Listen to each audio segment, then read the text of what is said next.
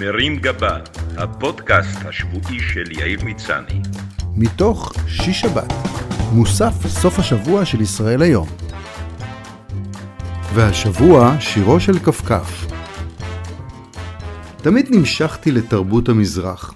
היפנים סקרנו אותי במיוחד. הם אחרים, מיוחדים ומשונים. אין לי יחס מיוחד כלפי העם הבוסני, הדני או הזנזיברי, אבל העם היפני שהקדיש כל כך הרבה תשומת לב לנושא חימום קרש האסלה בשירותים ולייבושו באוויר החם, שאהב את השיר "אני חולם על נעמי" עוד בשנות ה-70 והעניק לו מקום ראשון בפסטיבל טוקיו.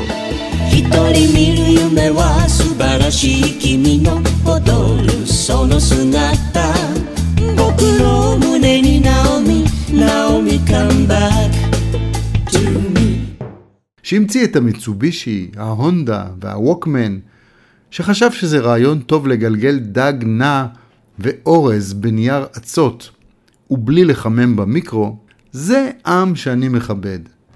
ועבור היפנים שטעו ואף גרמו נזק כבד לאנושות, כמו ממציא הקריוקי המעצבן, העם היפני המציא את החרקירי, שמאפשר קבלת אחריות מלאה באופן עצמאי, מבלי שאף אחד יצטרך לטרוח לשם כך.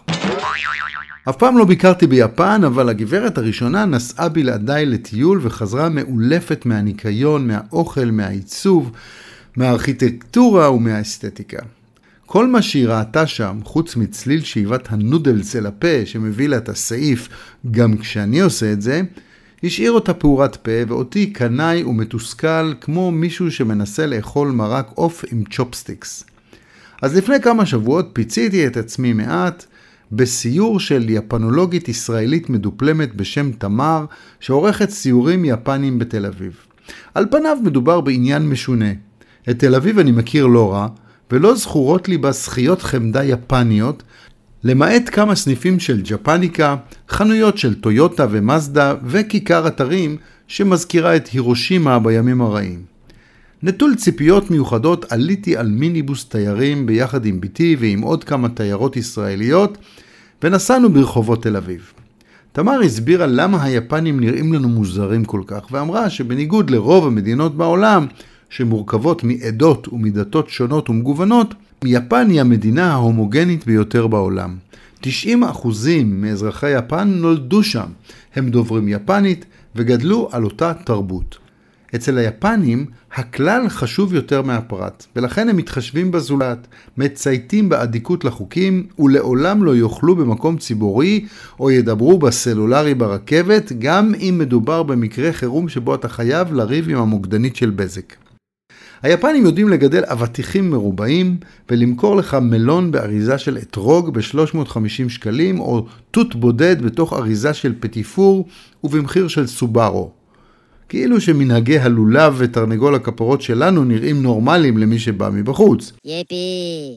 רק ביפן תוכל למצוא שוקולד קיטקאט שמייצרים במיוחד ליפנים בטעם של מאצ'ה, ארטיק בטעם בטטה או צלופח, משקה פנטה בטעם אגוז מוסקת ופרינגלס בטעם גבינה כחולה. Bon appétit. מהסיור למדתי שליפנים יש הרבה בעיות בתקשורת הבין-אישית. בגילאים הצעירים הם עסוקים מאוד בעתידם הכלכלי לפני שהתפנו לזוגיות, ולכן הם מעבירים את החום והאהבה שלהם לכלבים ולבובות. ויש שם הרבה יותר כלבים מילדים. מעניין אם כדי שהכלב לא ירגיש בודד, הבעלים היפנים הביא לו הביתה ילד מחמד. ביפן שוק המוצרים לכלבים מגלגל יותר מ-15 מיליארד דולר בשנה, זה כולל ביגוד, משקפי שמש, עגלות תינוק ייחודיות לגורים ובתי קפה קונספטואליים שבהם אפשר ללטף כלבים וגם חתולים וקיפודים בעודך יושב על אספרסו. האובססיה לכלבים כל כך גדולה שם שיש גם נעליים לבני אנוש, שכשאתה דורך בהם בחול הן משאירות עקבות של כלב. מעניין אם האובססיה לסדר וניקיון עברה גם לכלבים. במקום לעשות את הצרכים ברחוב, הם יודעים ללכת לשירותים ולשבת בעצמם על האסלה המחוממת.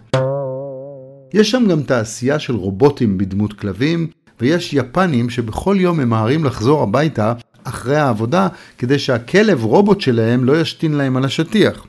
יפנים לא מעטים נישאים לבובות הנערצות עליהם בטקס רשמי עם היתרונות והחסרונות של בת זוג מפלסטיק שמחכה לך בבית ובתקווה שכשתחזור לא תתפוס אותה בוגדת בך עם שואב האבק הרובוטי.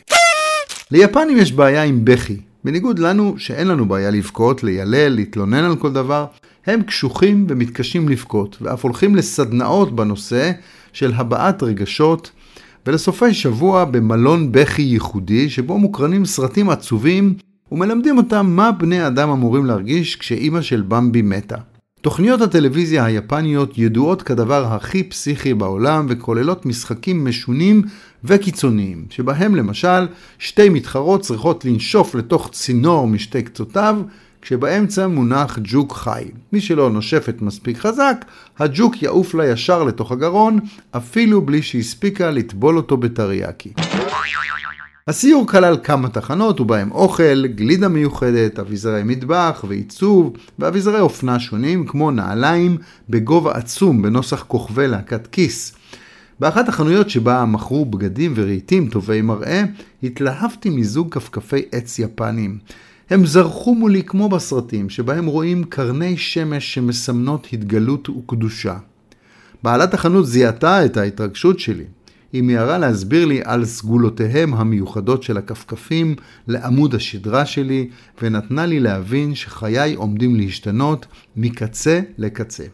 כי בניגוד לכל הנעליים הנוחות המקובלות היום, הכפכף הזה יכריח אותי להרגיש את הרגל ואת האצבעות, כי ביפן הכל קשור להכל. הרגליים לקיבה, הקיבה ליציבה, היציבה לשינה, השינה לאסלה וכן הלאה וכן הלאה. כשביקשתי למדוד את יצירת המופת המאותרת פרחים עם המראה המעט נשי, התברר לי שבכפכפים היפנים אין שמאל או ימין, מה שמקל מאוד על טיפוסים עצלים כמוני. המידה נראתה לי די קטנה, אבל הסבירו לי שככה זה צריך להיות, וזה לגמרי תקין שעקבי הרגליים שלי יבלטו החוצה מאחור. רכשתי את זוג הכפכפים וחזרתי לביתי שמח וטוב לב. כשהגעתי עם הרכש החדש, גאה, מאושר וגם גבוה יותר מבדרך כלל, כי מדובר בנעליים מעט מגביהות, ציפיתי לקבלת פנים אוהדת. אלא שהגברת הראשונה קיבלה אותי ואת כפכפיי היקרים באופן צונן. היא טענה שאני נראה כמו דביל מושלם, ושהיא מטילה וטו חמור על כל יציאה שלי מהבית עם הכפכפים החדשים, בטח כשאני מתלווה אליה. יאמר מיד, קיים אי שוויון נוראי בין גברים לנשים בתחום ביקורת הבגדים. גברים לא יעזו להביע שום ביקורת כלפי הלבוש והבחירות האופנתיות של בת זוגם, אלא אם כן הם משתייכים למשפחת ורסאצ'ה. לרוב אין לנו את הכלים להביע דעה תובענית ומנומקת בתחום, וגם אין לנו בדרך כלל נטיות אובדניות או תשוקה להיכנס לריב של יומיים, לכן כשהם מתכוננים ליציאה, הגבר תמיד יעדיף לענות לשאלה איך אני נראית, בתשובה האוטומטית נהדר, גם אם זוגתו בחרה ללבוש וילון ולחבוש על הראש פומפייה. לעומת זאת, אחד התחביבים האהובים של נשים הוא לעלוב בבני זוגם על טעמם האופנתי הקלוקל. הגברת הראשונה למשל לא חוסכת ממני דבר ויכולה להגיד עליי שזה לא מתחבר, שזה מקומט מדי או בלוי מדי, אני מקווה שהיא מדברת רק על המכנסיים ולא עליי, שהצבעים מזעזעים, שהגזרה הזאת התאימה לי לפני 40 שנה, והמשפט הכי מכעיס, מאיפה הבאת את המכנסיים האיומים האלה, תוך התעלמות מכך שהיא זו שלחצה עליי לרכוש אותם בניגוד לרצוני. מאז הרכישה היפנית חשתי עוינות גדולה שמופנית לעבר כפות הרגליים שלי ורצון עז לכפכף אותי בכל פעם שאני נועל את הכפכפים החדשים. למרות זאת, המשכתי לנעול את הכפכפים, הרי אני איש שמקפיד לשמור על העקרונות שלו, בעיקר על העיקרון שהנוחות מעל הכל. אלא שלאחרונה נרשמו כמה וכמה מקרים שבהם לא הצלחתי למצוא את הכפכפים במקום שבו השארתי אותם. בכל פעם מצאתי אותם מסתתרים בפינה אחרת בבית. אחרי התלבטויות ותהיות הגעתי למסקנה שהגברת הראשונה החליטה להמאיס עליי את השימוש במפגע האסתטי מיפן ולהחביא לי אותם ברחבי הבית. בוקר אחד, אחרי ששוב חיפשתי את הכפכפים במשך דקות ארוכות, ורגע לפני שאני מתעמת עם הגברת הראשונה, מצאתי את יצירות המופת היפניות תומכות בשולחן האוכל בסלון, שיש לו נטייה להתנדנד. מישהי מבנות הבית חשבה שמדובר בסוג של קרש שיגרום לשולחן להפסיק לרקוד, והציבה את הכפכפים המפוארים שלי כתמיכה.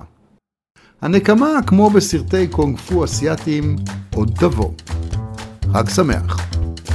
מרים גבה הפודקאסט השבועי של יאיר מצני. מתוך שיש שבת, מוסף סוף השבוע של ישראל היום.